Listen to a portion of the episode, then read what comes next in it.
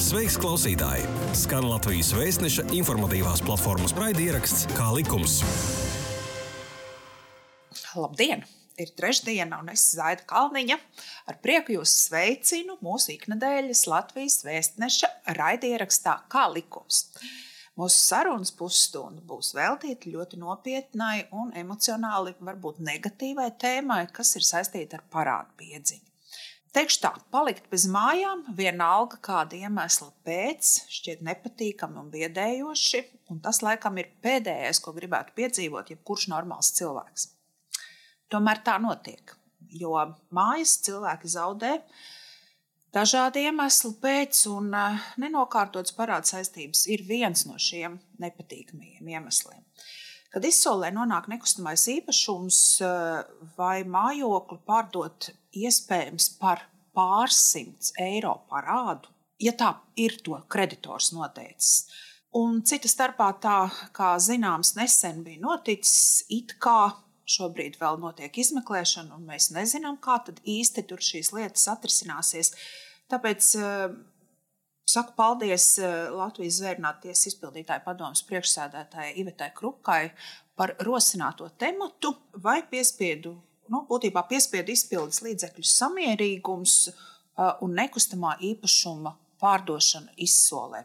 Tāda būs mūsu šodienas tēma. Paldies par drosmi runāt. Eh, protams, mēs neskatīsimies uz konkrēto gadījumu, bet mēs runāsim par procesuālo kārtību, kā tad, tad īsti ir. Vai pārsimts eiro parāds un kreditora prasījums vērst piedziņu uz nekustamo īpašumu ir uh, samērīgs. Tiešām ļoti emocionāla tēma, tīpaši šobrīd. Un tieši tāpēc mēs par šo tēmu arī gribam runāt un skaidrot sabiedrībai, kā tās lietas īstenībā strādā un kas ir jāņem vērā, lai, lai līdz šim galējam izpildes līdzeklim nenonākt Um, dēļ parāda saistībām. Jo, manuprāt, nu, tā, jo vairāk cilvēks zina un saprot, jo labāk viņš spēs savas tiesības realizēt, un no tā būs ieguvēji tikai visi.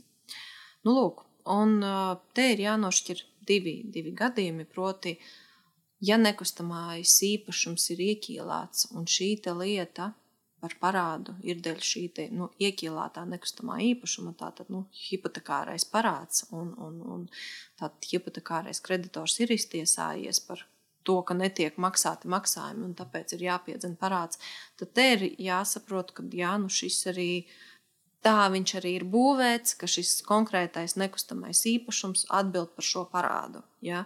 Līdz ar to hipotekāro iekielāto parādu teiksim, gadījumā šis te samērīgums īsti netiek vērtēts. Ja? Tur primāri atbild nekustamais īpašums, bet to es domāju, jebkurš cilvēks ņemot savas saistības un iekielājot nekustamo īpašumu, ar to ir jārēķinās. Ja, ja es ņemu kādu aizdevumu un iekielāju savu īpašumu, tad nu, mans īpašums arī ir šis saistību izpildes garants un, un primārais teiksim, arī izpildes līdzeklis. Bet visos citos gadījumos, kad tie ir jebkuri, jebkuras citas parādsaistības, vai tie būtu uzturlīdzekļu parāds, vai tas būtu komunālo maksājumu parāds, nezinu, nekustamā īpašuma nodoklis vai, vai, vai cits, jebkurš aizdevums, kurš nav bijis iekielēts ar šo nekustamo īpašumu, tur gan uh, darbojas šis te samērīguma princips, proti, lai vērst piedziņu uz nekustamo īpašumu, tiesu izpildītājiem no sākuma ir jākonstatē, kā ar citiem piespiedu izpildes līdzekļiem samērīgā laika posmā šī parāda atgūšana nav iespējama. Kā tā konstatēšana notiek? Tā konstatēšana nu, notiek katras lietas ietvaros individuāli, un te tiesu izpildītājs ņem vērā nu, visus apstākļus. Gan pašu nekustamo īpašumu, kas tas ir par nekustamo īpašumu, vai tas ir uh, piemēram, dzīvokļa īpašums, kur konkrētais parādnieks dzīvo, vai tas ir neapbūvēts zemes gabals. Vai tā, kādi ir parādnieka ienākumi, vai viņš kaut ko maksā vai nemaksā, vai ir varbūt cita manta. Nezinu, piemēram, pārdodot transporta līdzekli, varbūt parādu ir iespējams uh, sekt, un, un nemaz nevajadzēs nekustamo īpašumu pārdot. Arī paša parādnieka sniegtā informācija. Ja?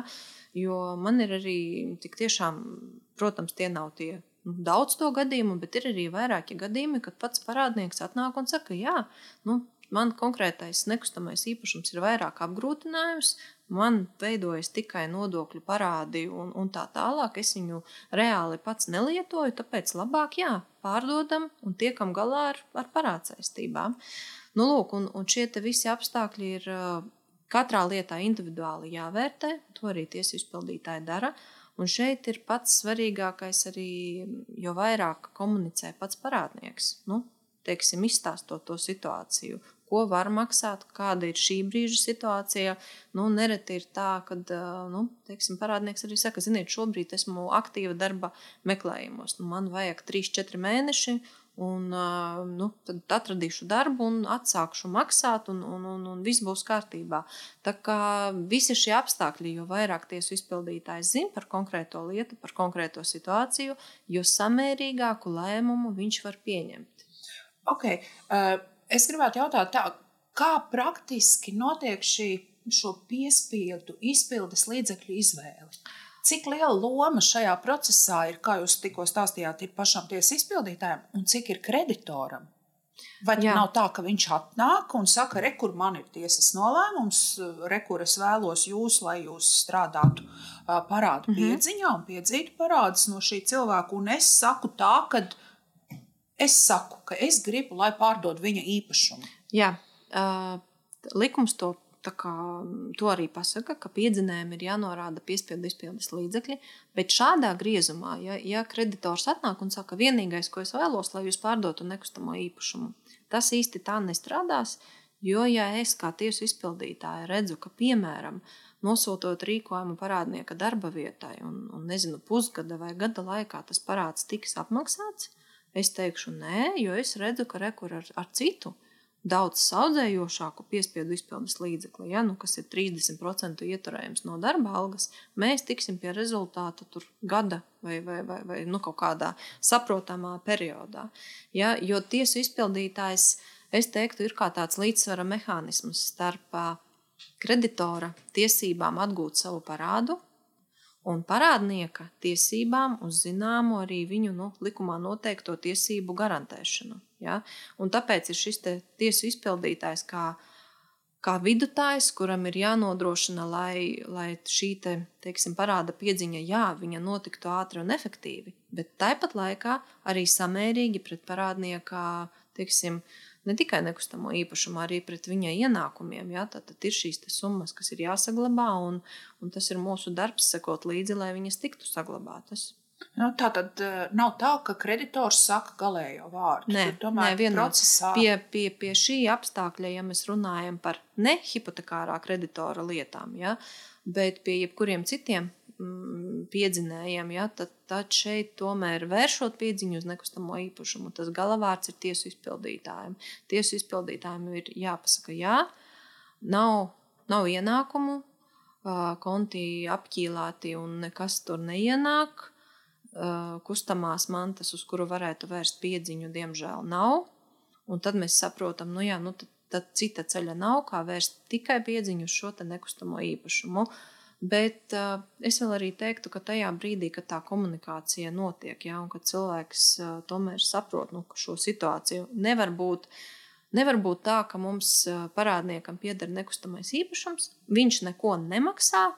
Un, nu, tā kā, tikai tāpēc, ka tā ir, teikšu, skarbus vārdus, ja, tikai tāpēc, ka tā ir viņa dzīves vieta, piedziņa nenotiks. Nē, nu, tā nevar būt. Ja? Bet, ja vien tiek atrasts saprātīgs risinājums, ja? Es varu maksāt tik un tik katru mēnesi. Ja, un, ja tas ir sa samērīgi pret šo parāda piedziņu, tad šis risinājums tiks akceptēts. Uh, jā, par samērīgu piedziņu. Nu, tāds ļoti jauks vārds. Uh, kā īsti ir? Jūs uh, stāstījāt gan šo darba samaksu, jā, šos 30%. Jā, uzturlīdzekļu gadījumā tur būs puse algas jāaizies. Nu, vai tiesas izpildītājs vienlaikus var piemērot vairākus piespiedu izpildes līdzekļus? Jā, protams, var būt tā, ka tiek vērsta gan piedziņa, piemēram, uz darba algu, gan varbūt ir parādniekam, nezinu, es tagad, piemēram, transporta līdzeklis. Ja? Un, un varbūt arī tiek vērsta arī uz šo piedziņu uz transporta līdzekli, proti, nu, mašīna tiek aprakstīta, novērtēta un pārdota izsolē. Jā, tā kā šie piespiedu izpildes līdzekļi var, var būt arī vairāki un vienlaicīgi, jā, nu, atkarīgi no, no katras situācijas. Kā, kā šo samērīgumu piepildīt, jā, nu, tas ir katrā, katrā lietā viņš piepildās no ar saviem individuālajiem apstākļiem. Jā, nu, Uh, varbūt tā, ka ir tikai viena parāda lieta, nezinu, par tūkstoti vai diviem, un, un parādnieks ir informējis, ka viņš maksās nezinu, 100 vai 200 eiro mēnesī, un tad tas būs samērīgi, un tiesu izpildītājs to, to iespējams akceptēs. Bet varbūt arī otrādi, ka ir uh, 20 lietas par 100 eiro. Ja, un, un nemaksā neko. Ja, tad tad nu, tās kombinācijas ir ļoti, ļoti daudz un dažādas. Bet uh, es no savas pieredzes varu pateikt, ka tā nekustamā īpašuma izsole, nākot pie jums, es tieši man pašai palika interesanti. Es gribēju saprast, nu, cik bieži tad, tad es savā praksē to piemēroju. Un pēc pagājušā gada rezultātiem no simts lietām tikai vienā bija veikta nekustamā īpašuma izsole. Tā ir jūsu prakse, bet tiesu izpildītāji tā tad ir tik, cik ir, vai jūs savstarpēji par šīm arī, lietām runājat? Jā, jā, jā, mēs arī šobrīd tieši mums, ņemot vērā arī šīs tēmas aktualitāte, mēs to arī papētīsim tādā plašākā tvērumā. Ja? Nu tā, kāda tad ir šī statistika par piedziņas vēršanu uz nekustamo īpašumu, cik bieži viņu tiešām piemēro no nu, attiecībā pret aktīvajām lietām. Ja? Un, un nu, tad, tad tie secinājumi būs tādi lielāki, plašāki. Ja? Bet, nu, piemēram, šobrīd manā praksē, jā, nu, no simts lietām tikai vienā gadījumā ir, ir, ir nu, nonācis tik tālu, ka ir jāsaprot, ka vienīgais ceļš, kā parādu piedzīt, ir vērst piedziņu uz nekustamo īpašumu. Kā likums? Kā likums? Jā, tu klausies Latvijas Vēstneša informatīvās platformas raidierakstu Kā likums? Sakiet, vai parādnieks var protestēt un teikt, ir nesamērīgi? Protams. Piedziņa? Protams, ir kurā daudz. Jā, jā. Un ko jūs darīsiet? Tad? Uh, tā tad, ne, nu, pirmkārt, tas pirmais brīdis, kad viņam vajadzētu nu, pašam sazināties ar tiesu izpildītāju un kā, nu, nomotivēt nu, savus, savu pozīciju, kāpēc viņš uzskata, ka nevajag vērst, piemēram, piedziņu uz nekustamo īpašumu, jo uh, nu, viņš maksā katru mēnesi tik un tik, vai viņam no algas ietur tik un tik, un, un viņš, piemēram, uzskata, ka tas ir samērīgi un viss ir kārtībā. Uh, ja teiksim tā, nu, tiesu izpildītājs paliek pie tās nu, sava secinājuma, ka nē, ir jāvērš piedziņa uz nekustamo īpašumu, tad par šo te, uh, teiksim, tiesu izpildītāju lēmumu ir jāvēršās tiesā, un tieši tas arī jānorāda, ka rekur es jau maksāju tik un tik, tāpēc uzskatu, ka kad vērst piedziņu uz nekustamo īpašumu nav samērīgi. Un es gribu teikt, ka arī nereti arī, arī, arī parādnieki šo tiesību izmanto. Tiesu praksa ir ļoti dažāda, jo nu, vērtē katru situāciju, un tad būs tas galavārds. Ja, ja tiesa pasaka, ka jā, parādniekam ir taisnība, šādi teiksim, tā maksājot, tomēr ir samērīgi, nu, tad visi paliek pie šīs maksājumu kārtības. Otra iespēja, ko varbūt diemžēl netik plaši izmanto, var jau arī vērsties tiesā ar lūgumu tieši parāda apmaksu sadalīt termiņos. Ja? Jā, pateikt, nu, šo parādu es, es gribu maksāt, nezinu, piemēram, divu gadu laikā, katru mēnesi, cipars X. Un lūk, tiesā šo parāda izpildi sadalīt termiņos. Un, un tādas lietas ir, viņu nav daudz, bet arī tas ir, manuprāt, nu, ļoti, ļoti labs, efektīvs līdzeklis. Tas, ko vairāk izmanto, uh, bet tur ir vajadzīga šī komunikācija, jā, jo mm, es gribētu teikt, ka tur, kur parādnieks komunicē, nu, un tur, kur tas piedāvājums ir saprātīgs, vienmēr šis vidusceļš arī tiek atrasts. Šobrīd praksē ir ļoti daudz šo gadījumu, kad pats parādnieks sazinās ne tikai dēļ riska, ka tiks pārdots nekustamais īpašums, bet konceptuāli. Jā, zinu, ka parāds ir, esmu gatavs maksāt pats, katru mēnesi ciparu X. Un jūs ņemat šādus uh, komunikācijas variantus par Protams. Protams. Un Jā, mēs, notiek? Jūs slēdzat vienošanos ar parādiem? Nē, mēs neslēdzam uh, vienošanos, tiesu izpildītājs neslēdz, bet uh, tieši tā, nu, ja es redzu, ka šādi maksājot, uh, parāds tiks apmaksāts, nu, piemēram, gada laikā, protams, ka tad es arī saku, jā, ļoti labi. Tas nozīmē, ka piedziņu uz nekustamo īpašumu nevajadzēs vērst, jo jūs paši visu sakārtosiet gada laikā. Ja ir tā, ka tomēr varbūt tas periods ir ilgāks vai, vai, vai šis te, nu, teiksim, jautājums, vai ir vai nav tur saprātīgi pret kreditoru tiesību ievērošanu, tad ir tā, ka šo te nereti tiesu izpildītāji arī nu, sazinās ar piedzinēju un, un saka, redziet, mums parādnieks ir gatavs maksāt pats. Katru, katru mēnesi, piemēram, šo ciparu X, bet lūdzu nevērst piedziņu uz nekustamo īpašumu. Ja? Un tad arī, protams, ja vēl kreditors šo te akceptē, nu, tad, tad vispār tā kā viss, viss ir kārtībā, un šis arī ir kā risinājums. Bet tas galvenais ir, protams, komunicēt un meklēt risinājumu. Nevar būt tā, ka nemaksā neko, nedara neko, un cer, nu, teiksim, ka neviens to īpašumu, teiksim, tā, ne, ka piedziņa uz nekustamo īpašumu netiks vērsta. Ja tas ja tiek konstatēts, ka nav izpilde vispār, vai ka viņa nav samērīga, tad piedziņa tiks vērsta uz nekustamo īpašumu. Es no stāstītās sapratu, ka tādu nu, būtībā šo samērīgumu tas ir diezgan interpretējams. Tomēr nu, būtībā vairāk tiesas izpildītāja ziņā noteikti šo samērīgumu ir vai nav. Bet otrs variants ir, ka, ka parādnieks vēršas tiesā. Bet tā vēl kāds nekontrolē, teiksim, kā strādā tiesas izpildītājs, vai viņš samērīgi mhm. piemēro piespiedu piedziņu. Nav nekādas institūcijas pa vidu. Uh, nu, šo te samērīgumu vēl, teiksim, tā, tā, tā, nu, teiksim, tā institū, institūcija, kā mēs ja tā varam nosaukt, tā būs tiesa pie izsoles akta apstiprināšanas. Jo rakstot uh, pieteikumu pēc jau izsoles rezultāta, ja, tiesu izpildītājiem tas arī ir jānomotivē. Kāpēc? Kāpēc es tātad nonācu pie šī secinājuma, ka ir jāvērš piedziņa uz nekustamo īpašumu? Jo, piemēram, parādniekam nav ienākumu, konti tika apķīlāti, rezultāta nebija. Kustamā manta, uz kuru varēja vērst piedziņu, netika konstatēta. Un nu, varbūt vēl kādi citi papildus apstākļi, kas tur lietā ir, ir vai nav. Un, un, un šis ir tas, nu, arī tas objektīvi pierādāmais teiksim, un parādāmais apstākļu kopums, kas ļauj secināt, vai tad bija jāvērš piedziņa uz nekustamo īpašumu vai nebija. Un tieši tiesa šo skata diezgan, diezgan strikti. Un, un tā kā nereti arī uzdot kaut kādus papildus jautājumus. Ja, un, un tāpēc tā, teiksim, tā nu, tas vēl pēdējais punktiņš, kas, kas uz to vēl paskatās un, un pasaka, jā vai nē, ir tieši šī tiesa pie izsoles akta apstiprināšanas. Ja? Jā, jau faktiski viņi var neapstiprināt. Tieši tā, tieši tā. Mhm. Un tādi gadījumi arī ir, uh, ir bijuši, kad uh, tiesa uh, nu, šo samērīgumu varbūt gan citā aspektā, bet, bet ir vērtējusi un ir teikusi, ka pie šiem apstākļiem mēs uzskatām, ka nav samērīgi apstiprināt izsoles aktu un mēs neatzīstam. Mēs atzīstam izsoli par spēkā nēsošu. Un tā tad viss paliek. Tieši tā. Hm? Sakiet, pārdot izsolē parādniekam, invalīdam piedarošu auto, nu, kas faktiski ir viņa kājas. Jā. Vai tas būs samērīgi? Nebūs. Cita nekā nav. Jā, nebūs, un es teiktu, ka šī gadījumā tas arī netiks pārdots. Jo ir civil procesa likumā pirmais pielikums, kurš uzskaita to mantu, uz kuru nevar vērst piedziņu.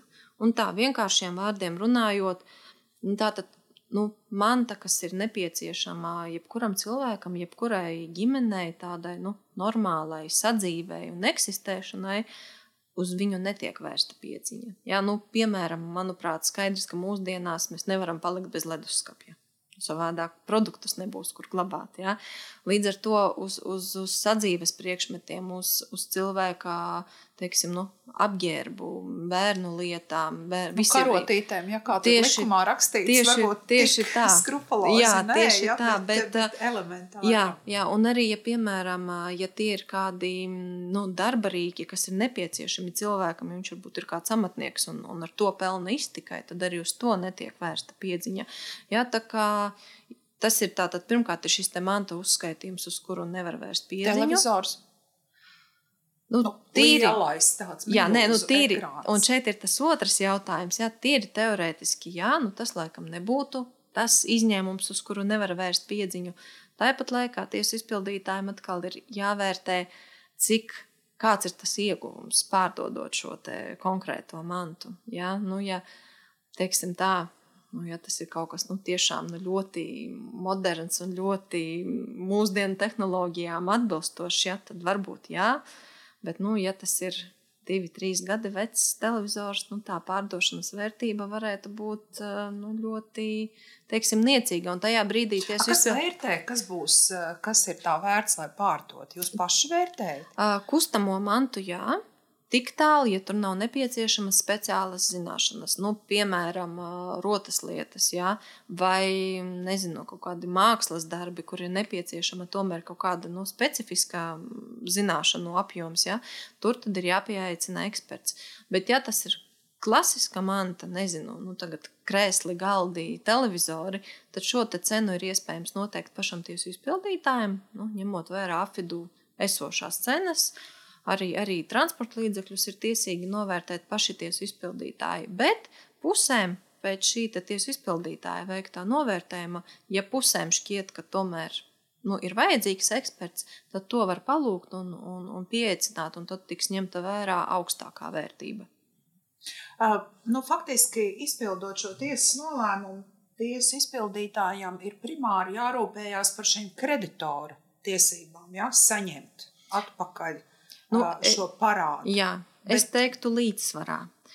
Kredi, par kreditora tiesībām, bet līdzsvarā ar parādnieka arī tādu viņa likumisko tiesību aizsardzību. Un tad mūsu, mūsu tas lielais izaicinājums ir atrast šo līdzsvaru. Jā? Ātri, efektīvi piedzīt parādu, bet tāpat laikā arī, arī nodrošinot šo parādnieka tiesību. Tā ir bijis vienmēr, ja tā ir tāda jauna pozīcija šobrīd tiesas izpildītāja pieejā. Es teiktu, ka mēs ar šo pieeju jau strādājam vairākus gadus, jā, un arī, arī tieši arī stāstam. Tāpēc arī, piemēram, katru gadu rīkotajās tiesu izpildītāju dienās mēs arī tā, ka, nu, stāstam par summām, uz kurām nevar vērst piedziņu. Jā? Jo vairāk cilvēki zinās par savām tiesībām, jo labāk spēs parūpēties paši par sevi un, un attiecīgajā situācijā, nu, teiksim, būt maksimāli zinošiem. Jā? Kā, kā, teiksim, sekot līdzi savai, nezinu, tai, piemēram, sodiem, kā sekot līdzi, lai vispār tā lieta nenotā, neno, nenonāk līdz piespiedu izpildēji. Ja? Un tāpēc mēs to visu arī stāstam un, un, un runājam par to, lai sabiedrība būtu lietas kursā. Uh. Es jums jautāšu tādu lietu, parādnieki jau arī ne, nav tie teiksim, neslīpētākie cilvēki. Viņi arī mēdz ši, šo savu mantu pieslēgt. Un jautājums ir tāds, vai uzsākot šo parādu piedziņu, tiesas izpildītājs kaut kādā veidā apzina, kas tam parādniekam pieder bez tā, kas ir reģistros. Ja? Nu, situācija, kad parādnieks ir pagūvis savu, savu daļu īpašumu, kustamā, ja, vai kustamo mantu pārrakstīt, piemēram, uz, uz kādu ģimenes locekli un tam līdzīgi. Mm -hmm. Manuprāt, diezgan izplatīta parādība mūsdienās. Kā tad rīkoties? Varat nu, kaut ko nevarat? Pats tiesu izpildītājs nē, jo mēs tik tiešām uh, darbu sākam konkrētā brīdī, tad, kad ir saņemts tiesas spriedums par šo parāda piedziņu, un mēs šo informāciju sākam skatīties un pārbaudīt nu, no šīs izpildu lietas reģistrēšanas brīža. Uh, bet, ja ir tā, ka tik tiešām, uh, bet nu, te ir ļoti, teiksim, Viss atkarīgs no paša kreditora, cik viņš ir aktīvs un cik viņš ir aktīvs savu tiesību nu, arī realizācijā. Ja? Uh, Jo, ja kreditors spēja pierādīt, ka, piemēram, tiesvedības laikā īpašums tika atdāvināts ģimenes loceklim, nu, kas ir skaidri ar mērķi izvairīties no parāda samaksas, ja? bet tad viņam ir papildus jāvēršās tiesā, un, un viņš to var pierādīt, ka, ja tas dāvinājums ir bijis ar mērķi izvairīties, tad tiesa var arī lemt, ka tomēr, neskatoties uz to, ka tas īpašums ir atdāvināts, kad uz viņu var vērst piedziņu šī konkrētā parāda piedziņai. Ja? Bet tam ir jābūt, tam arī ir jāaiziet šis tiesas, tiesas izvērtēšanas ceļš. Sakiet, vai kreditors šī piedziņas laikā var vērsties pie jums un teikt, pamainām šos piespiedu izpildes līdzekļus? Tīri teorētiski, jā. Pat ne gluži pamainām, Mm, piedzinējs var arī palūgt, nu, tā kā atliekam, ja? nu, piemēram, un, un runājot. Nu, tas jau viņi vienojas savā starpā jā, jā, jā, jo starp citu tas notiek, jā, teiksim, tie diezgan bieži, un tieši šajā procesa stadijā, kad izsole jau ir izsludināta, un parādnieks saprot, nu, ka nu ir nopietni, un ka ir jāmeklē risinājums, un es teiktu, ka nu, ļoti lielā procentu gadījumu skaitā tas risinājums arī ir atrodams. Ja? Un tajā brīdī, kad nu, puses ir vienojušās, tad jā, piedzinējs.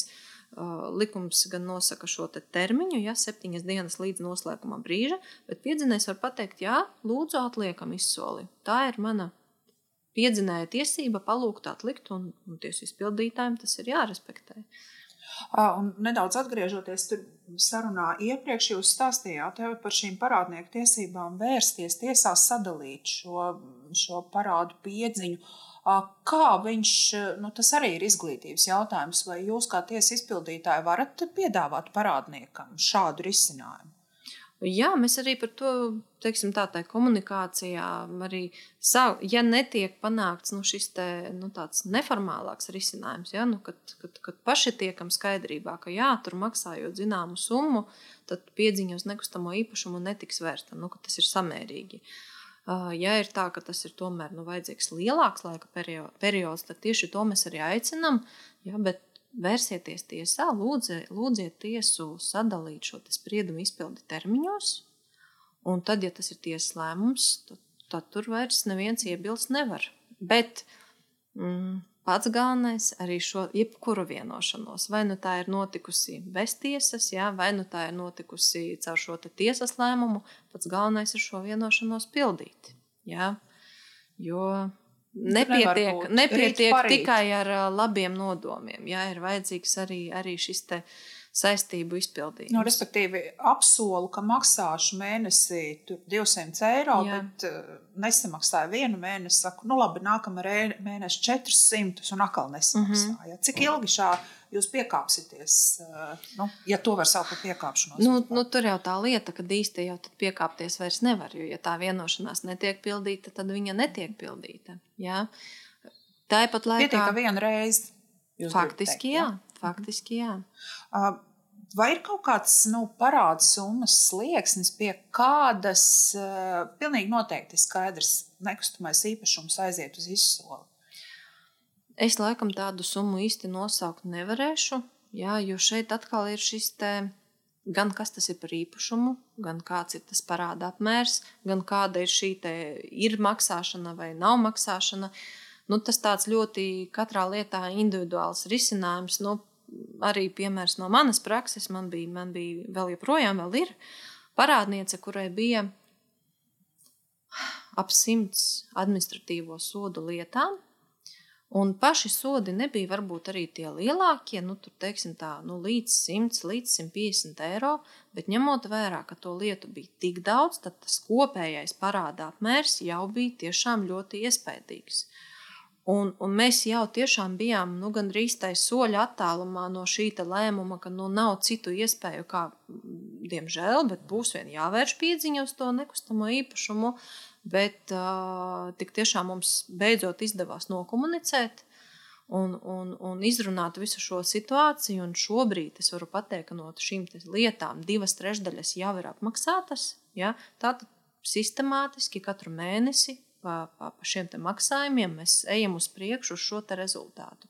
Un, protams, pie šādiem apstākļiem es saku, ka viss ir, viss ir, viss ir pareizi, maksājumi tiek saņemti, mums ir pozitīva tendence. Nu, šobrīd nav jāvērš piedziņa uz nekustamo īpašumu, bet nu, tā nīpat laikā, jā, ja no nu, no daudzām mazām lietiņām arī var izveidoties šis te, nu, kopējais apjoms, tāds, ka iespējams ir jāvērš piedziņa uz nekustamo īpašumu. Un uh, iepriekš, kāpēc jūs sakat, ka ilgi nevarējāt komunikāciju izveidot ar šo cilvēku? Tas ir bailes, kas tam cilvēkam bija pa iemeslu. Nu, tam... zin, ka viņš ir savārījis ziepes, nu, es teikšu, jūras apmērā. Nu, tā konkrētajā gadījumā tur varbūt bija zināmā mērā arī dzīvesveida jautājums, ja, jo tie sodi bija par Pārsvarā par to, ka cilvēks atradās sabiedriskā vietā, alkohola reibuma stāvoklī, bet, bet paldies Dievam, šis lūzuma punkts pienāca, un mēs tā kā izrunājām, ka pirmkārt ir jāaptur jaunu sodu parādīšanās. Pirmkārt, ja, nu tā tad ir jāmaina attieksme. Otrkārt, nu tad sākam pa vienam. Katru mēnesi pa vienai lietai, ko nosacām, nevaram pa mēnesī, nosaksim pa diviem un tā tālāk. Un, Un, un šis ir tas, man pašai ļoti patīk šis stāsts, jo, jo tik tiešām cilvēk, konkrētais cilvēks ir, ir, ir, ir kardināli mainījis dzīvesveidu. Un, manuprāt, tas pierāda, ka galvenais ir gribēt. Jā, galvenais ir neļauties tai plūsmai. Nu, kad viss slikti un es tikai grimstu. Nē, nē.